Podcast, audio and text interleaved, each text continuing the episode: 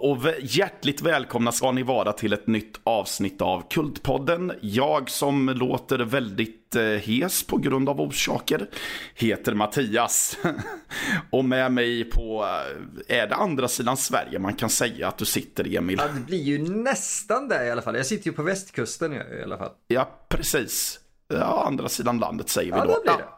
Emil Johansson. Ja, herregud vilken formell introduktion. Hallå Mattias Malm. Ja, vi är så formella. Vi är så formella. Uh, ja, precis. Särskilt vi... hur många avsnitt inne i det här är det. Vi är in the teens i alla fall.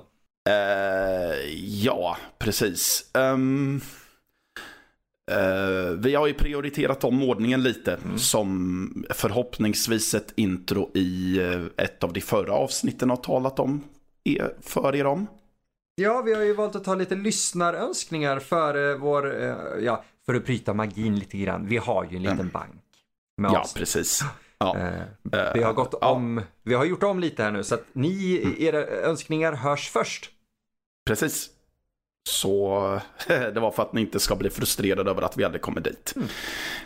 Uh, yes, och jag kan väl också säga att uh, när vi spelar in det här så har Emil och jag haft lite ledigt ifrån poddande. Så vi får se hur bra vi hittar tillbaka till formen igen. Ja, man är ju, det ska ju nämnas där vi är lite rostiga ändå. Men ni har inte märkt av det här tror jag. För vi, ni har ju haft avsnitt som har kommit hela tiden. Mm. Nu har ju vi haft mm. påskledigt, vi har haft jobbledigt och vi har haft kultpoddledigt. Och oj, oj, oj. Ja, men det är trevligt. Men nu är vi tillbaka. Yes! Förhoppningsvis med råge. Och jävlar vad vi ska kulta!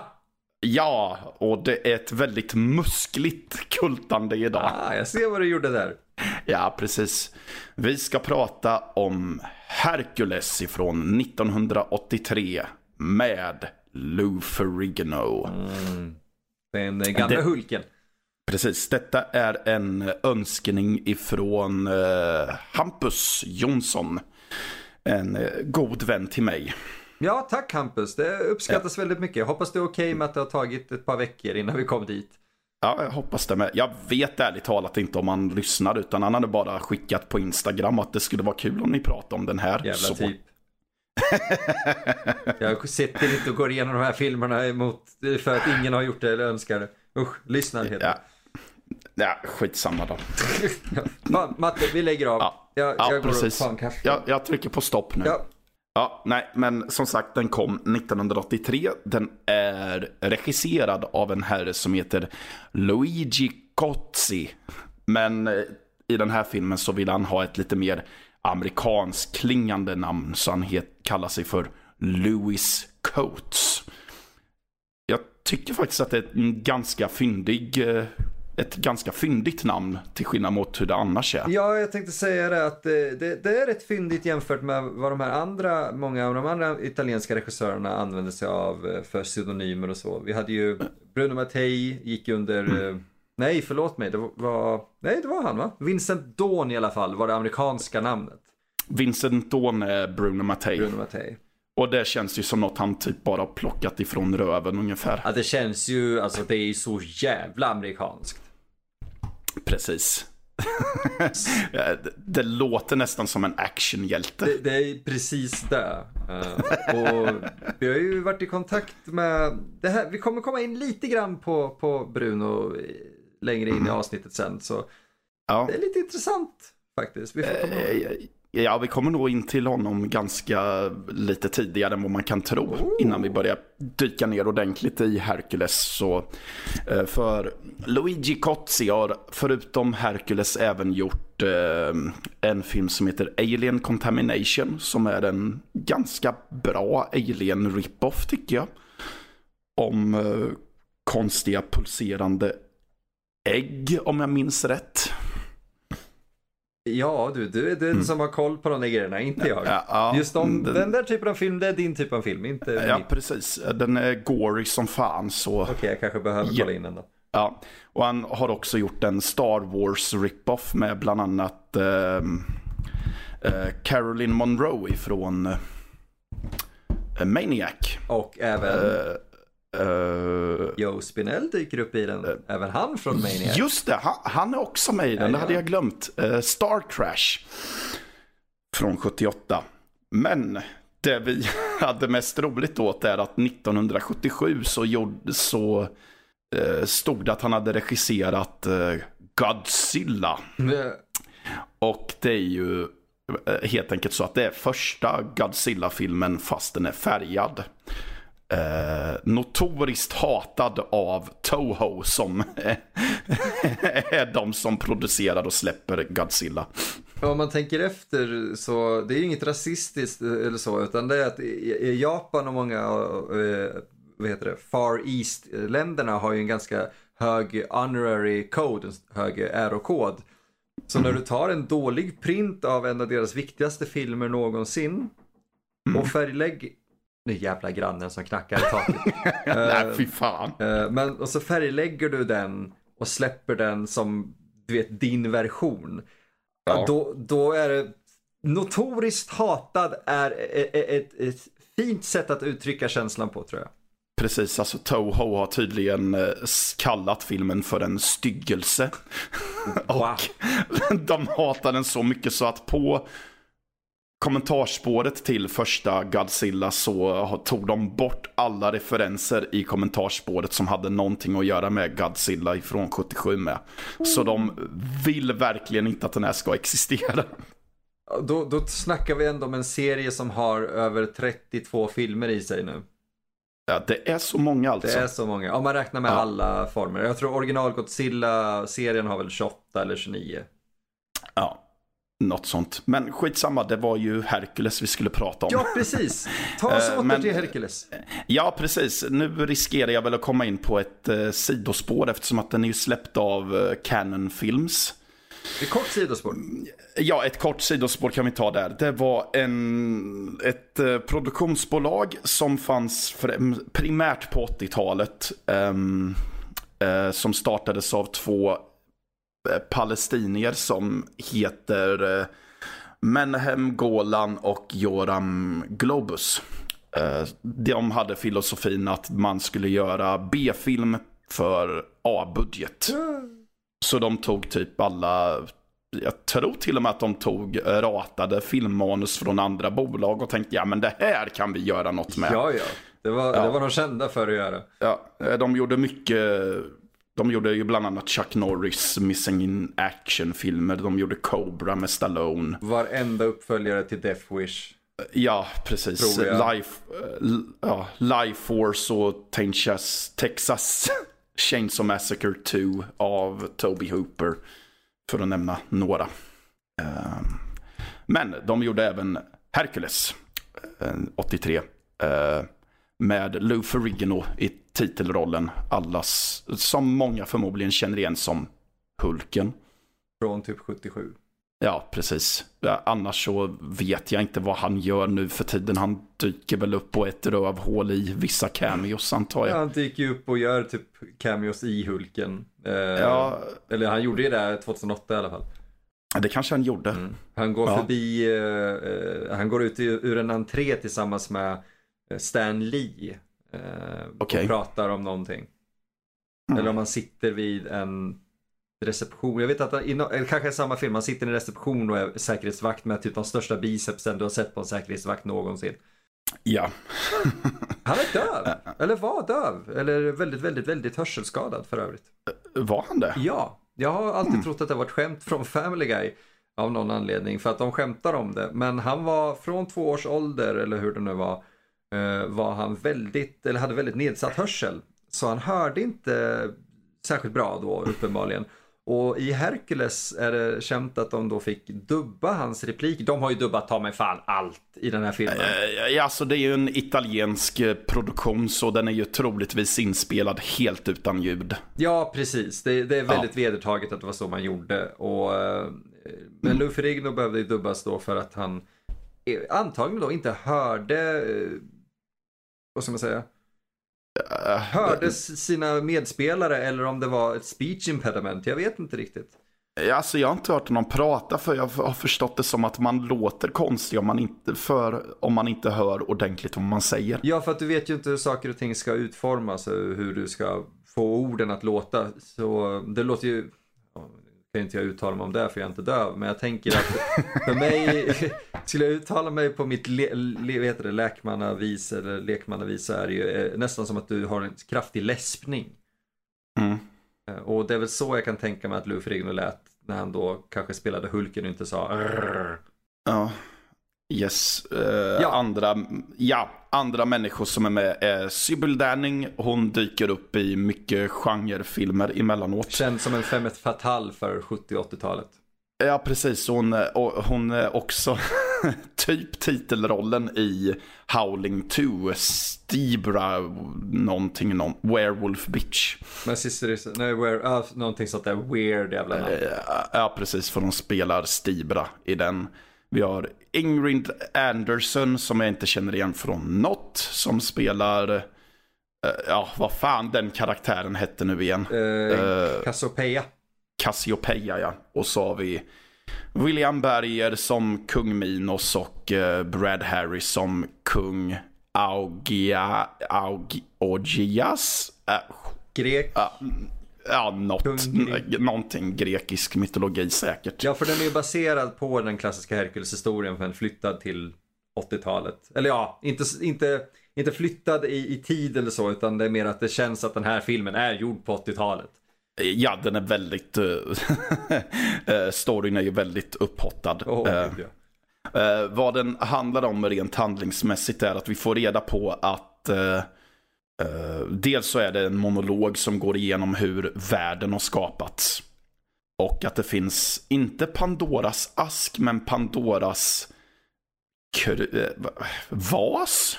Äh, någonting, prydnad. Eh, som innehåller jävligt mycket ondska och den går sönder på något vis. Så då är det en massa ondska som sprider sig på jorden och eh, gudarna i grekisk mytologi brukar ju vanligtvis vara många. Eh, här får vi se Zeus, Hera och Athena, tror jag att det är. Ja. Som eh, pratar om att de måste eh, ha någonting som kan eh, slåss mot ondskan på jorden.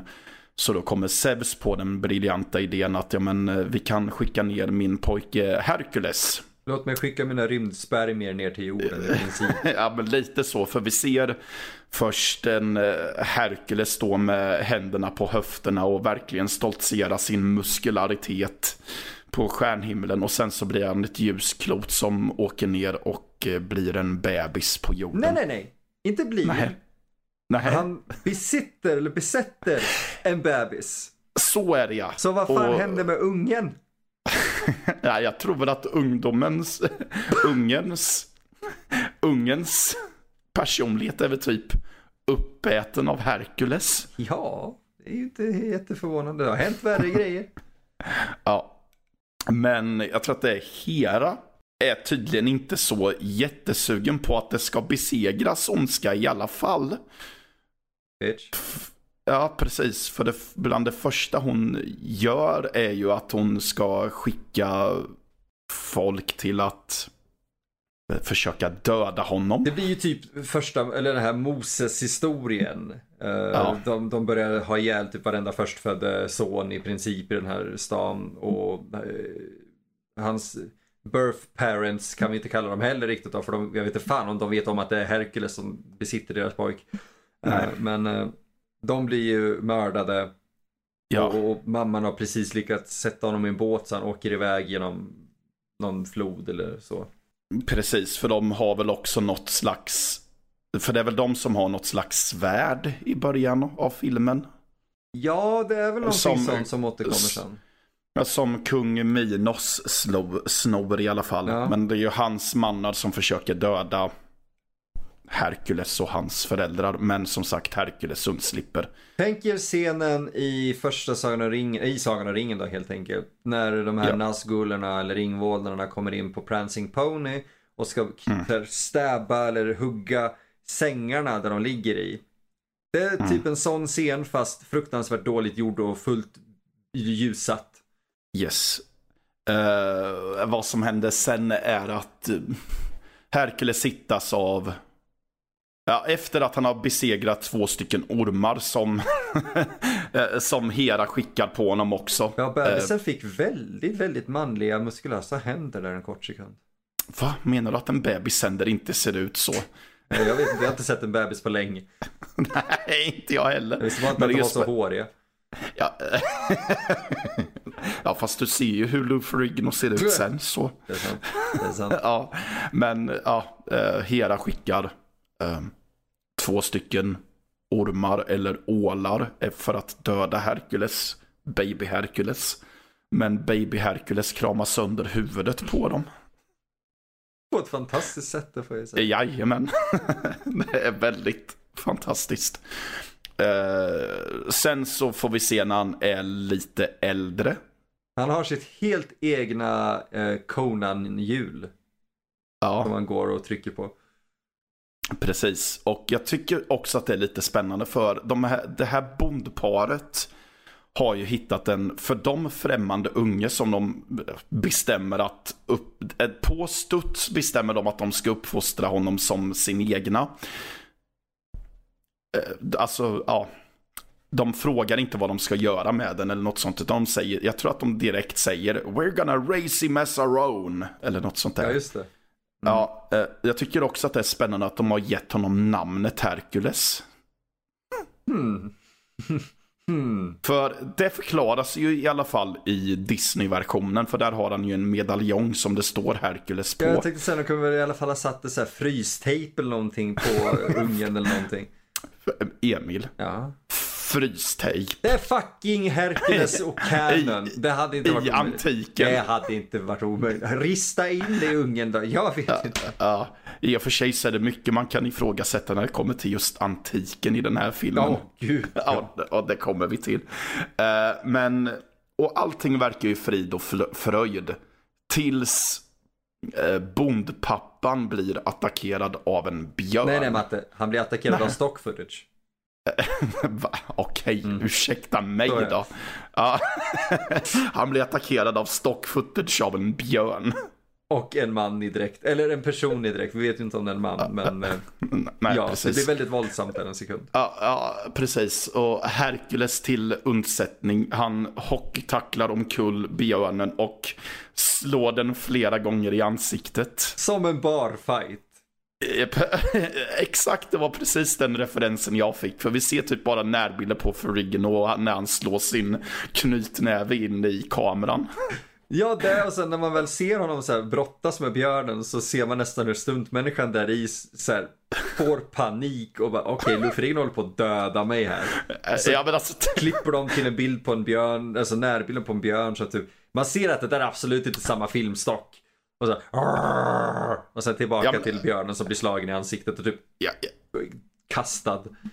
Ja, men alltså tänk dig den stuntmannen som ser dig i sitt manus att du ska brottas med Lou Ferrigno. Ja, jag får... En, säkert en stackars tanig italienare som ska brottas med typ eh, dåtidens störst, största köttberg. Ja, han var ju i sin prime här och att vara stunt mot honom, nej, jag vet inte. Det... Men, men i alla fall, det slutar inte så bra för pappan för Herkules ser förtvivlat att hans pappas liv tynar bort. Så i vrede så tar han tag i björnen och slänger honom ut i yttre rymden och ska... och skapar stjärnbilden Ursa Major, eller vad den heter. Det är så jävla bra, men det är första, det första tillfället av What the fuck? Jag tror jag faktiskt på riktigt, jag satt och åt samtidigt och jag slutade äta, tittade på det här och bara högt sa för mig själv, va? ja men det var ungefär så jag gjorde. Jag, jag tror att jag satt och käkade en macka samtidigt och jag typ eh, skulle ta en tugga men jag stannade med munnen öppen. För att jag var så jävla häpen av vad det var som hände på skärmen. Aj, aj, aj, aj. Så då vet ni det var det är så man får stjärnbilder. Ja, men du pratade om, eh, är det alltid någon björn med i någon Hercules eller vad? Det är det jag funderar på, därför att i eh, Arnold Schwarzeneggers, eh, du hade ju en liten trivia om det med, men i Arnold, Arnold Schwarzeneggers första film, han spelar i, inte dokumentär, är ju Hercules i New York. Där mm. han åker en chariot, eller häst och vagn, och han, mm. det är en björn som har sluppit undan från något zoo i Central Park. Och björnen attackerar den här hästen och vagnen där Arnold Hercules sitter på. Och Arnold Hercules slåss då mot en björn igen. Uh, samma mm. sätt man ser upp skådespelare, stuntmannen har panik i princip. Men han kastas inte ut i rymden. Nej. Jag, jag, tror han dock okay. välter en bil på björnen. Nej, det är inte någonting. Den, han typ, ja, det är så dumt.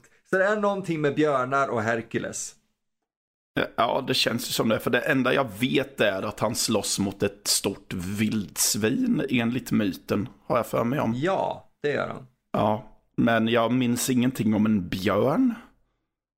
Nej, alltså okej. Okay. Ja, fortsätt prata om att du hade ju faktiskt en mm. kuriosa om det här med Arnold och, och eh, honom, eh, Luffy Rigno. Så jag kollar ja, samtidigt. det hade jag. Som sagt, eh, Hercules i New York var ju Arnolds första film. Och det var väldigt mycket den som fick Arnold att börja inse att oj, men film kan vi pyssla med.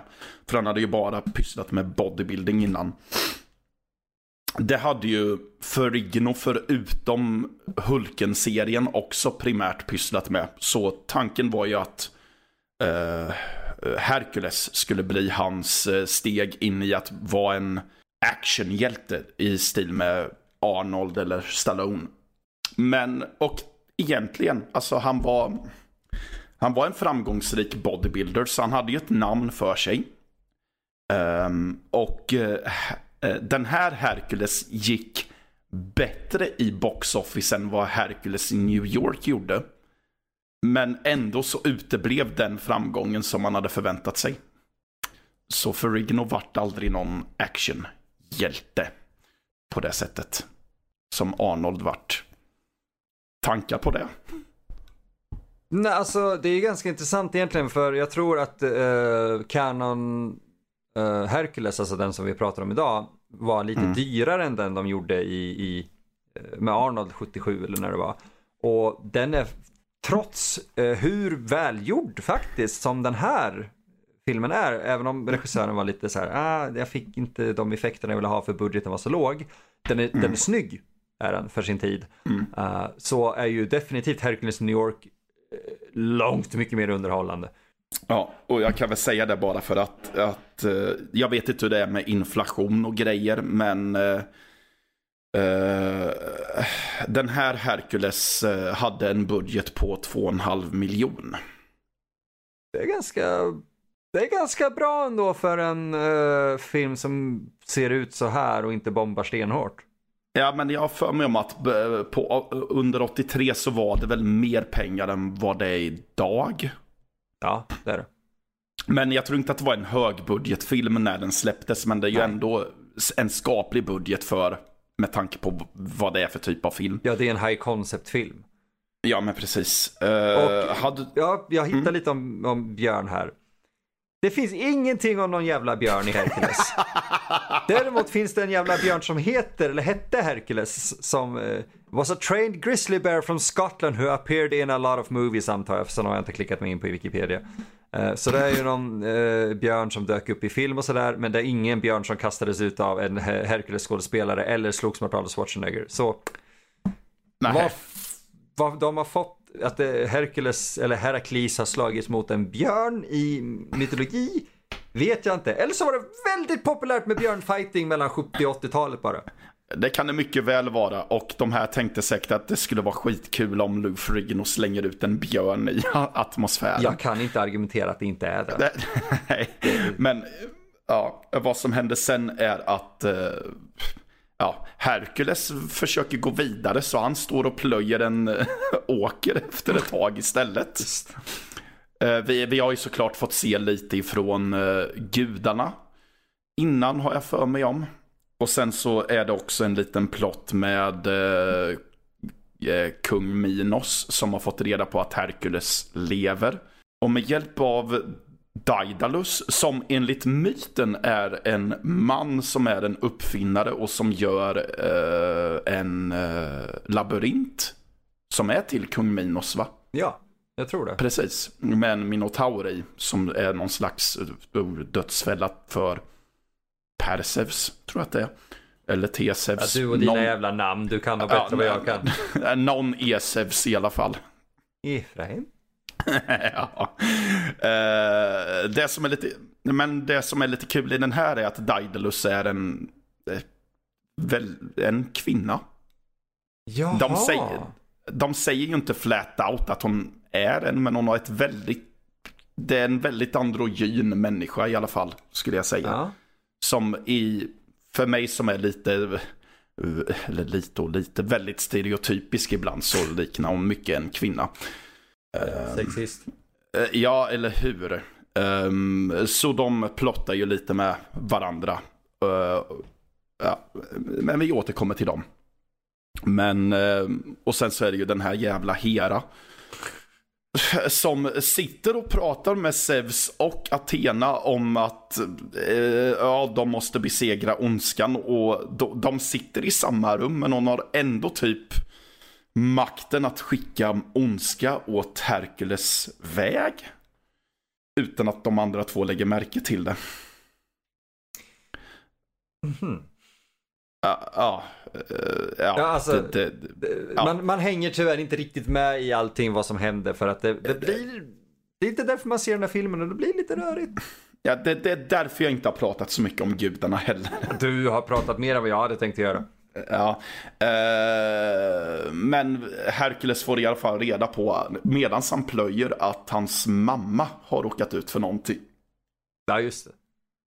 Så han springer för att rädda henne, ser att hon är död. Nej, nej, nej, hon har lite jord på sig.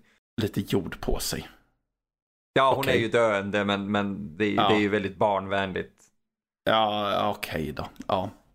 Uh, jag har för mig om att det, finns det någon förövare där? Jag kommer inte riktigt ihåg. Uh, det är inte en... Uh, jag vet ju vart du är på väg med det här så jag vill inte spoila någonting. Det är ju inte, det är inte en förövare så som vi tänker oss.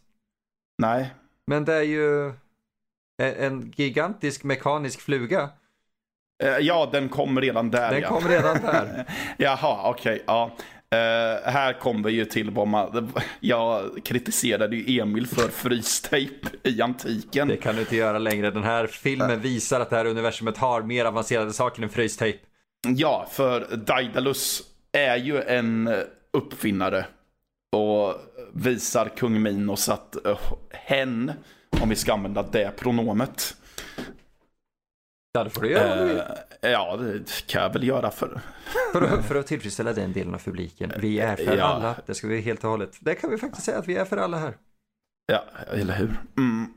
Eh, men i alla fall, hen har eh, tre stycken mekaniska skapelser. Kan vi säga. Det är eh, typ demoner fast de är robotar. Det ser ut som plåt-Niklas om vi ska vara helt ärliga. Ja, helt klart. Och det, den första är någon, en skitful robotfluga. Eh, som tydligen har eh, gjort någonting med mamma. Och... Flugit in i henne? Jag... Eh, ja, jag kommer inte ihåg. Eh, jag har för mig om att han besegrar flugan i alla fall med hjälp av en pinne. Eller en... Alltså för, för Herkules en pinne, för oss en stock. Ja, okej, okay, en stock. Så kanske det. Um, och efter att han har besegrat den här jätteflugan så är, och när mamma har dött så tycker Herkules att det är en bra idé att elda ner eh, huset. Ja, det frågar ju till och med hans vän eller vad det är. ja, Var, Varför gör du det här? Och jag tror att alla som såg den här filmen har tänkt exakt samma grej. Varför? Ja, ja, det var min tanke och sen så jag vet att när kompisen frågade så tänkte jag tack. Eh, och svaret är typ att ah, nej, jag har inget hem längre. Inte nu när min familj är dödad eller något sånt där. Det är väldigt typiskt sådär grej egentligen. Men, men ja. Eh, alltså, jag, jag, jag, tror ju mer på att Herkules ljuger för honom och försöker begå någon form av försäkringsbrott här eller någonting. För att det är så jävla dumt. Ja, och i nästa andetag så säger han att det är någon kung som har någon utprövning. För som han krig. vet. tydligen. Ja, ja, jag vet inte fan var han har fått höra det ifrån. Men tydligen så är det en kung som har en utprövning för krigare. Av något slag. Random. Ja, det går helt enkelt ut på att eh, vi ser Herkules först slå ner en jävla massa andra män. Uh, sen så är det kungens rådgivare inte riktigt övertygad. Så sen får han tampas mot typ en, några snubbar i häst och vagn. Som känns som att det borde vara så här sista svåra grejen egentligen. Ja, ja, precis. Men de besegrar han också genom att den är också lite oklar, får jag säga. För han håller fast i eh, bägge vagnarna. Men sen så är det typ att eh, eh, när han väl släpper så åker vagnarna iväg åt ett håll och så drar hästarna iväg med ryttarna åt ett annat håll. Ja. ja. Alltså. Mm. Och ja, som, Emil, som Emil sa, det här tänker man ju är typ sista testet för att, oh, för det var ju spikar i hjulen och, eller svärd i hjulen till och med som kan kapa benen på folk men inte Herkules. Nej. uh, nej, och då tänker man, det där var sista prövningen. Men nej, då skickas det in en skock med ytterligare människor som ska slå ner det här muskelberget som man just har sett har hållit fast i två stycken chariots med sina bara händer. Men det är så fascinerande för att det är Bring out the chariots! Och sen så eh, efter det så We have one last test. Bring out the wrestlers! Och så kommer ja. det ut en, en typ såhär åtta stycken taniga män som ska, ja. så, så, som ska brottas med Herkules. Han, han har, dude, han har precis kapat svärd med sina vader. Jag tror inte att de här lönnfeta, tunnhåriga asen kommer kunna besegra Herkules. Och han ser ut som att han liksom, oh shit, det här måste jag göra någonting åt. Om, ja. om man tänker bara, du kan örfila en och alla kommer ramla. Det, det, det är så ja. illa det ser ut. Ja, men han har ju en bra lösning eftersom att han tar en stock. Igen. Igen. Och, och, trycker upp alla de här taniga brottarna emot en vägg. Och ty- det låter som att han krossar bröstkorgen på allihopa. Ja, ja, jag tänkte nu blir det fan våldsamt här. Och de står där liksom så här. Och sen slappnar han av. Ja, han slappnar av sen och de, de säckar ihop och så som en sista bevis på sin kraft så vräker han iväg stocken som flyger ut i yttre rymden. Alltså, som jag sa till dig innan vi började spel, äh, spela in, det är ju det är ju inte NASAs fel att det är så mycket skit ute i rymden som det är, utan det är ju ta med fan Herkules som kastar ut både björnar och stockar där ute. ja. och alltså björnen vart ju åtminstone en del av stjärnorna, men den där jävla stocken. Titta barn, stjärnbilden stocken. Det är inte så jävla charmigt. Nej, för vad den här stocken gör är typ att den, det ser ut som att den typ penetrerar Jupiter. Mm, inte Uranus då, ho, ho, ho, ho. Fick vi det jävla uppenbara skämtet du vill. Fan. Jag skrattade lite mer åt det än vad jag hade ja, Jag är lite glad att du gjorde det för jag var lite nöjd över den ändå. Ja, det är bra. ja. Eh, Comedy! Precis, men det här är ju inte heller sista testet. Ja, just ja. För att, eller ja, rådgivaren säger att ja, han är ju mäktig, men vi vet ju inte om han är ärlig. Nej just det, så... han kommer och bara försvinner den jävla rådgivaren sen ja. Ja, eh, ja precis. Utan då ska Herkules bevisa att han är ärlig genom att han ska städa ett stall.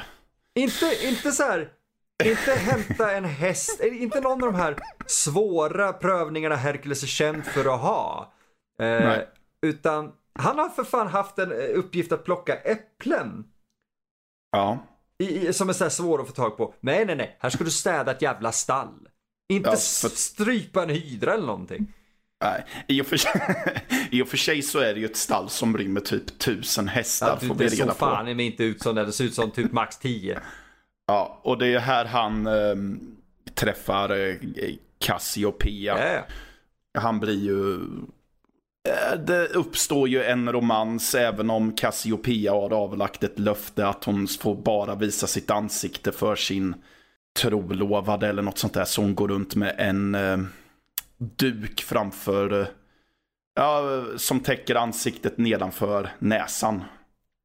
Ja, det är någon liten veil, uh, jag kommer inte ihåg vad det kallas. Nej, för fan. Nej, jag kom på att den, den täcker ju näsan också. För, ja, för uh, tyget åker in i hennes näsborrar när hon så, andas. Det är så kul. Jag hade velat se henne nysa i den där.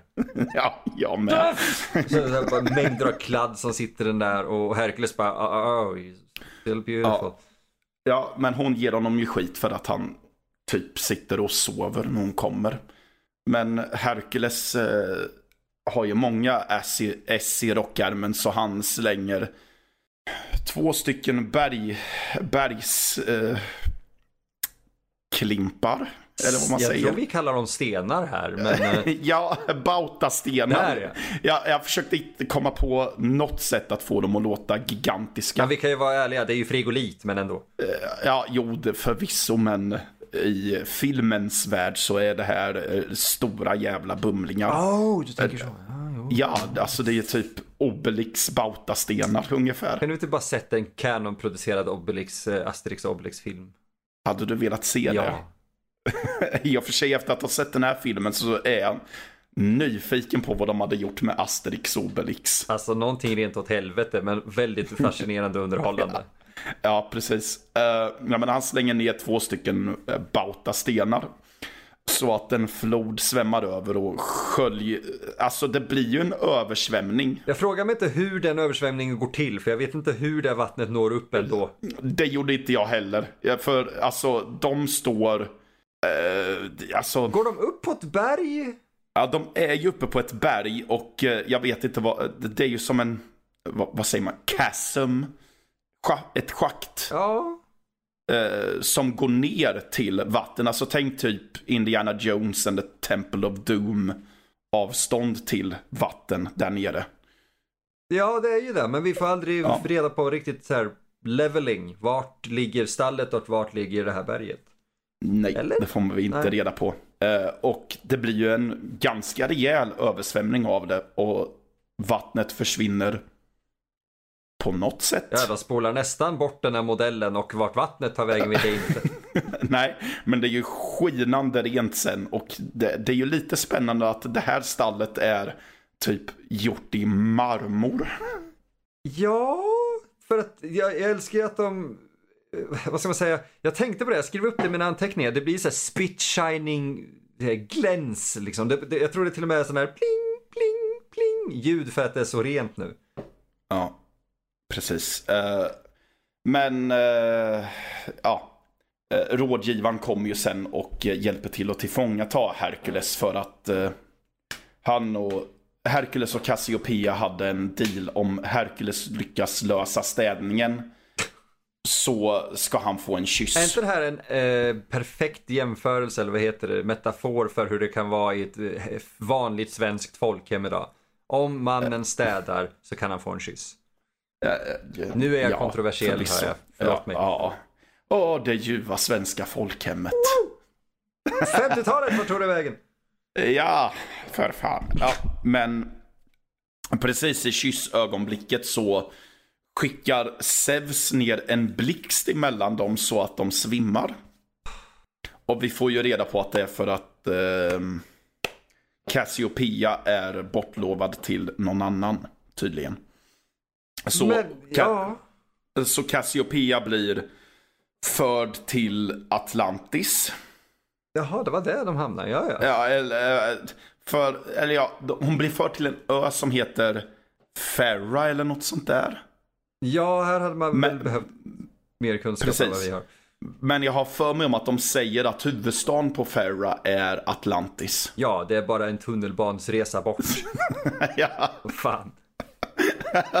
Det är lite så det känns i den här filmen. Allting är bara... Ja. Jag får inte känslan av du vet epis, episkt scope eller någonting. Det är så, du kan ta en kollektivtrafik bort till de här ställena för att det, det, vi får aldrig de här långa, du vet, springa i sanden bilderna och den här hade den här filmen behövt. Uh, ja. Uh, nej men Uh, Hercules blir kastad till hajarna. uh, men han tar sig loss från, jag för mig att han är fastkedjad när han slängs ner i vattnet. Mm. Men han bryter ju sig loss från uh, kedjorna och sen, där har vi inte berättat, det är en berättarröst i filmen. Som fyller i många... plot holes. Plot holes, ja. Eh, bland annat, eller påpeka detaljer som inte vi hade fått till oss annat, annars. Som att när Herkules sen kommer upp till ytan och börjar att simma. Så simmar han i sju dagar och sju nätter. Hej, det är jättebra Harrison Ford-film ju. Ja, precis. Fast den heter sex dagar och vad sju nätter. Sex dagar och sju nätter. Med hon ifrån um, Men in Trees. Ja, hon är också jättebra. Jag kommer bara inte ihåg vad hon heter. Inte jag heller. Uh, kommer inte ihåg. Uh, men det är en annan film. Ja, förlåt. Och inte så kultig. Ja, den är, den är mainstream-kultig. Ja, det är den säkert. uh, ja, så han simmar i sju dagar, sju nätter. Han simmar genom storm och genom oväder och ja, allting. Uh, tills han kommer i land och så träffar han en häxa som först är gammal men sen så dricker hon lite av hans blod och så eh, blir hon ung och vacker. As you do. Ja, och hon heter Cersei. Eller något sånt där. Eller Sir. Surge, ja. Matte. Den läsk. Kom igen. Circe. Cersei. Jo, Cersei. De kallar henne Sorceress. Ja, av Mirella D'Angelo. Är det skådespelerskan? Ja. Uh, och hon vill ha tillbaka sin talisman och säger att hon kan hjälpa Herkules att uh, komma till den här ön för att rädda Cassiopeia. Och uh, det är inte där han slåss mot hydran va? Innan dess. hydran efter. Hydran är ja, ju när, när hon följer med på resan där. Ja precis, just det. För han får tag i talismanen efter att de har lullat runt i en grotta ett tag. Har jag för mig om. Jag kommer inte ihåg. Ja men han, det, det är någon grotta och så, så hamnar de på någon form av så här eh, platå och så ska han stoppa in armen i värme och sen i kyla och ja, sen. Precis. Sen har vi det världens stämmer. bästa skådespel. Där han typ damn ja. you och så ska han kasta iväg den och hon bara no! Ja, förlåt. ja, precis. Jag tänkte det att okej. Okay, för jag tänkte i mitt huvud att okej, okay, nu är det nästa objekt ut i rym rymden. jag kan bara se hur Buzz Aldrin så här. Oh, making progress, one step from poink! Och bara krossar det här rutan på honom. Och bara, vad fan var det? Jo, det var en artefakt från fucking antiken. Ja, ja. Men jag älskar att hon bara säger no och sen okej, okay, då kastar jag inte iväg den då. Uh, för hon kan inte sticka till den här ön för att hon har någon slags konflikt med gudarna eller något sånt. Ja, han, hon kallar väl någons mamma någonting. Det känns som att det är på den nivån. Ja, ja men ungefär. Men hon säger att men Herkules frågar, ja men kan du inte ta mig nära Ferra eller vad ön heter nu? Och jo, det kan hon väl. Så jag för mig om att hon i sin chanting säger to Farah as close as possible eller något sånt där. Ser du? Återigen, tunnelbanesystemet. Vi hade bara kunnat ta ett par hållplatser så hade vi varit nära, så hade vi kunnat gå sista hållplatsen. Ja, och där ska han få tag i uh, Prometheus. Inte Alien. Hästvagn. Äh, ja. Är det Prometheus? Ja, jag, jag tänkte att det är ju säkert egentligen Apollo. Jag tänker, Eller inte Apo typ Apollon. Pep, pep, pep, pep. Vad fan heter den där bevingade hästjäveln? Uh, Pegasus. Tack så mycket. Det är nog inte ja, ändå. Fa fast det här är ju en vagn han ska åka i. Problemet är ju att de här hästarna har, är ju, som Hercules säger, lost in infinity. Jag skulle mer säga veckans V75 som då har hamnat på McDonalds. Ja, ja, men innan de kommer till den här hästvagnen så måste de tydligen ge... tydligen ha jag tror att Cersei har någon deal med kungen av Afrika. Ja, det är ju någonting. Ja. Eh, ja, jag kommer inte ihåg vad det är, men i alla fall hon förstorar Herkules till en gigantisk storlek så att han separerar två, två stycken berg. I en väldigt eh, kast, om man tittar, tittar på det rent tekniskt, filmad bit för att det syns stenhårt att det där är filmat i sån slow motion. Japp, och eh, tack vare den fantastiska berättarrösten så får vi reda på att eh, nu har Herkules eh, Skitit i det blå skåpet? Eh, nej, han har separerat Europa från Afrika. Tada! Geografi barn! Japp. Uh, och sen nämns inte den här kungen eller prinsen av Afrika igen. Nope. Han har en förvånad fru och han ser ut som en så här, uh, knock-off, uh, vad heter han, James Earl Jones. Ja, och de får tag på, eh, de kommer till den här vagnen. Mm. Ja, och mm. hur, hur löser man då om man inte har en häst? man blir fucking Sickan eh, Jönsson blir man och kommer på det att ah, om, jag, eh, om du min kära sorceress tr trollar fram eh, ett, eh, ett rep och så, så sätter du, just det, förlåt mig, jag ska bara slå sönder väggen här. Sådär, nu är vi redo. Och så tar vi en ja. stor sten här, för nu ska vi nämligen ut i rymden där. Och man kan se hur hon nästan bara, jag önskar i alla fall att man kan se hur hon, så här, vad, vad gör du? Han, han, hon trollar fram det grejen och sen så säger han, okej, okay, knyt repet runt den stenen.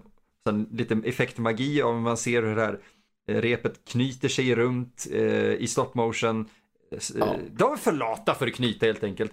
Och sen, ja, jag tänkte det. Ja, men sen så är det så, det är så kul. För att när han, när han säger det, okej, okay, nu kan du ta och knyta eh, repet i charioten.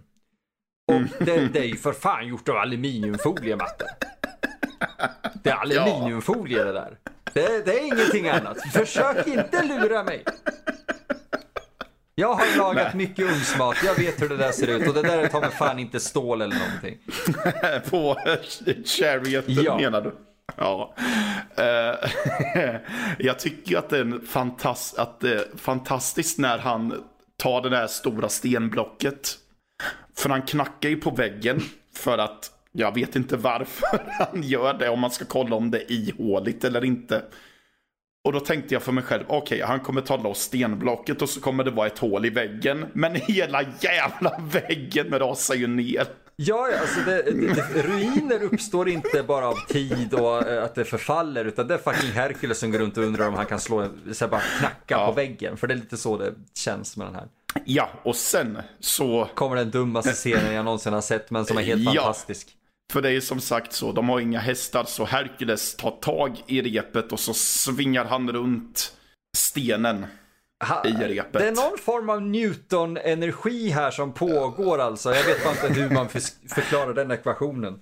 Ja, för han svingade ett tag och sen så vräker han ut det i rymden. Aj, nu flyger massa skit igen. Men den här gången har han ju fått en sån velocity så att eh, nu kan ju de flyga i en rak linje känns det som igenom stratosfären. Ja, ja, de står ju bara där igen. Alltså, de, eller, ja. de står på den där chariot, de borde ju snurra runt och spy eller någonting. Och istället står de bara där och den där stenen flyger rakare än vad Stålmannen gör. ja, det, fly... det är så dumt. Men det blir, ja, det är så dumt för att de flyger ju sådär och sen så blir det ju problem där, för de kraschar inom citationstecken. Ja, ja repet går av. Jaha, det är så det ja. ja, för att eh, då får vi reda på att eh, Cersei har blivit kär i Hercules. Och när en, när en sorceress blir kär så förlorar en sorceress sina krafter. Jag tror hon till och med säger det i vattnet, för de landar ju i vattnet så här. When an enchantress ja. become enchanted, she loses her power. Precis. Ja. Uh, ja, sen så... Uh, efter, ja, de går i land och grejer och sen så slåss han mot en hydra. Ja, det kan man väl kalla det om man vill. Som också är en robot. Men den, men den här skjuter laser. Vad fan är det för knock-off Star Wars du har hittat? Hade han bara kvar effekter från Star Crash eller? Ja du, det kan man undra. Ja. Jag vet inte om vi ska fortsätta på det här sättet och berätta slut och grejer i filmen också. Eller om vi ska låta hålla det öppet för resten. Jag, jag tycker vi ska hålla det någorlunda öppet för att det, det, är ju rätt underhållande och vi närmar oss även vår avrundningstid. Men Precis, jag la märke till det. Men det, det är så, det, det, är så väldigt kul att prata om vad det är som händer i filmen. Ja, vanligtvis pratar vi inte, det är inte alltid vi pratar scen för scen, men här har vi nästan gjort det därför att det finns alltid, det finns någonting hela tiden. Ja, eh, som, som går att eh, roas åt. Men jag glömde ja. ju säga en sak där innan vi kommer till våra rekommendationer och så. Jag har en, mm. eh, en liten grej här Matte som jag tror du skulle tycka eh, vore kul. Mm. Vad tjuven i början som tar svärdet. Mm. Vet du vem eh, det är? Nej. Eh, det ska jag tala om för dig. Det är Franco Garofalo. Okay. Han är känd för en film han gjorde tre år, ja känd är ju ett stort ord, för oss är han känd. ja. uh, han är känd från Hell of the Living Dead. Wow. Det är nämligen han som spelar uh, den här, jag kommer inte ihåg vad han heter, men galningen som You gotta shoot them in the head! Han, exakt han. Ja, han är bara med i den scenen i Hercules när han snor svärdet, inte annars. Det förklarade varför jag tyckte att jag kände igen honom. Eller jag var tvungen, jag var så är, är det han? Är det den jäveln? Eh, och det var ja. det. Så det var lite kul. Så det, det, är det, det är samma team här och där ifrån de här eh, Fragasso, Mattei och filmerna. Ja, nej men alltså vi kan väl säga det att, eh, alltså det är ju ingen, på ett sätt är ju inte det här en kanonfilm. Nej. Är det ju inte. Nej. Men det är, jag skulle ändå vilja argumentera för att det ändå är en fantastisk film att titta på på ett sätt. På ett sätt är den det, för att ja. den, den förtjänar absolut inte sin 3,8 har jag för mig den har på IMDB. Eh, det stämmer. Eh, det, det, för mig är det baffling verkligen, för att den är långt mycket mer underhållande än, än eh, vad många andra filmer vi har sett på, ja, på podden. Ja, alltså jag hoppas att ni har hört det under tiden vi har pratat. Att det, det är ju genuina skratt och grejer från oss bägge två. För att det, det, är så dumt när man pratar om det. Men det är så jävla kul när man ser det också. Alltså vi får en knock-off Clint Eastwood och en robotfluga och en björn i himlen. eller som flyger ut i rymden. Vad, mer, ja. vad kräver ni?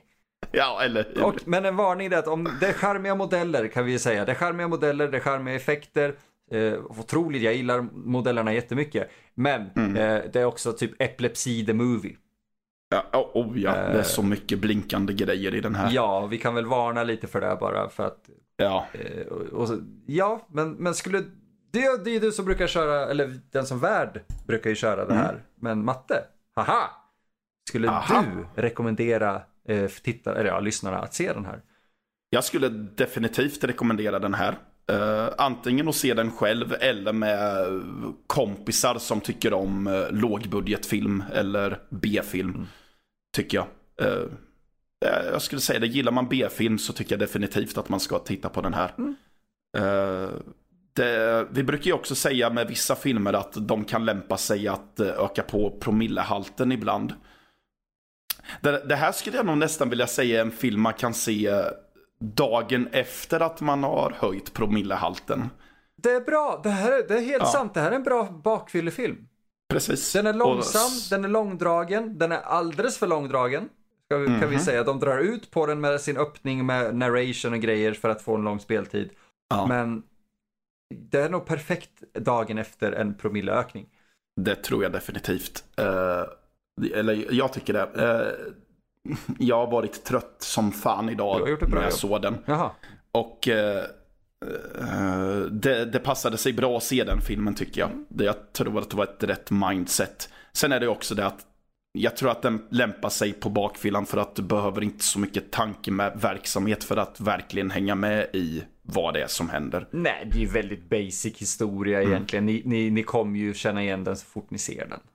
Mm. Jag kan nämna en liten snabb trivia. Mm framåt slutet sure. nu också. Och det är att den här filmen filmades back-to-back.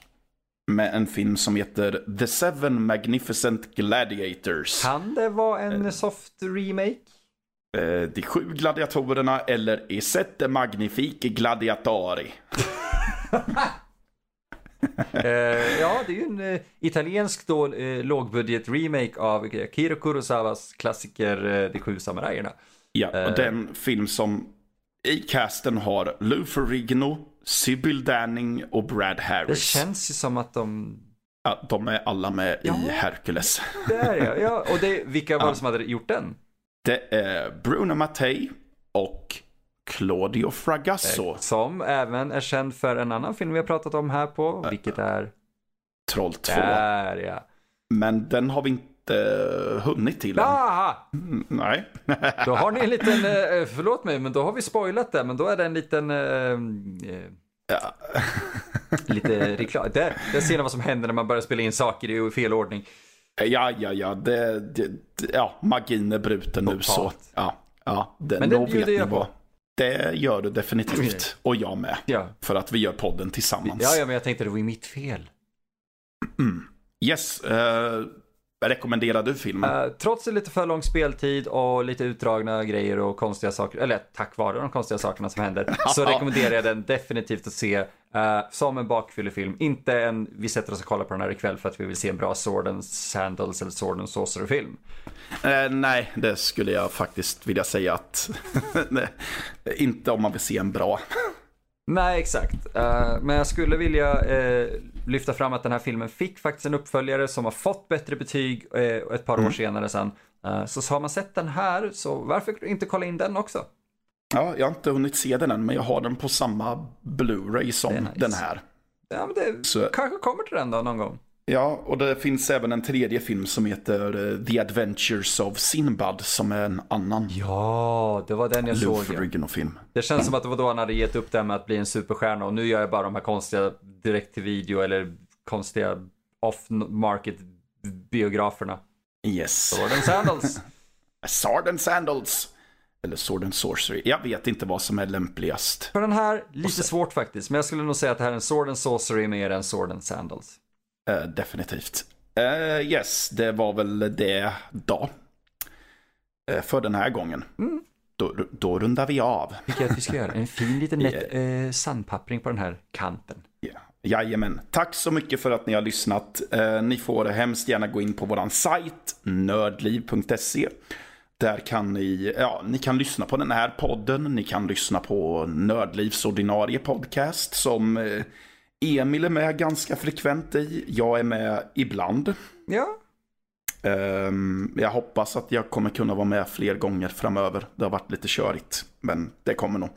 Uh, ni får hemskt gärna, om ni har möjlighet så får ni gärna gå in på iTunes. Ni får gärna ge oss ett betyg, gilla och kommentera. Säga vad ni tycker. Ni kan också säga vad ni tycker genom att skicka ett mail antingen till våra redaktörer på info at nördlivpodcast.se eller så tar ni Emil eller Mattias at nördlivpodcast.se om ni hellre vill skriva till oss. Eh, ni får hemskt gärna eh, interagera med oss på sociala medier. På Twitter och Instagram heter vi at nördliv.se. Vill ni få kontakt med Emil och mig så är det at indieemil. Jajamän eller ett rostig sked. Jag kan förresten säga att i eh, avsnitt då vi börjar slänga ut våra Instagram-handles så förvarnar jag om att eh, jag måste godkänna er. Så är inte fallet. Lägg till mig bara för fan. Kör på hårt, för vi uppskattar all form av kärlek och ankomst av folk vi får. Så, det var det helt enkelt. Det är bra Matte.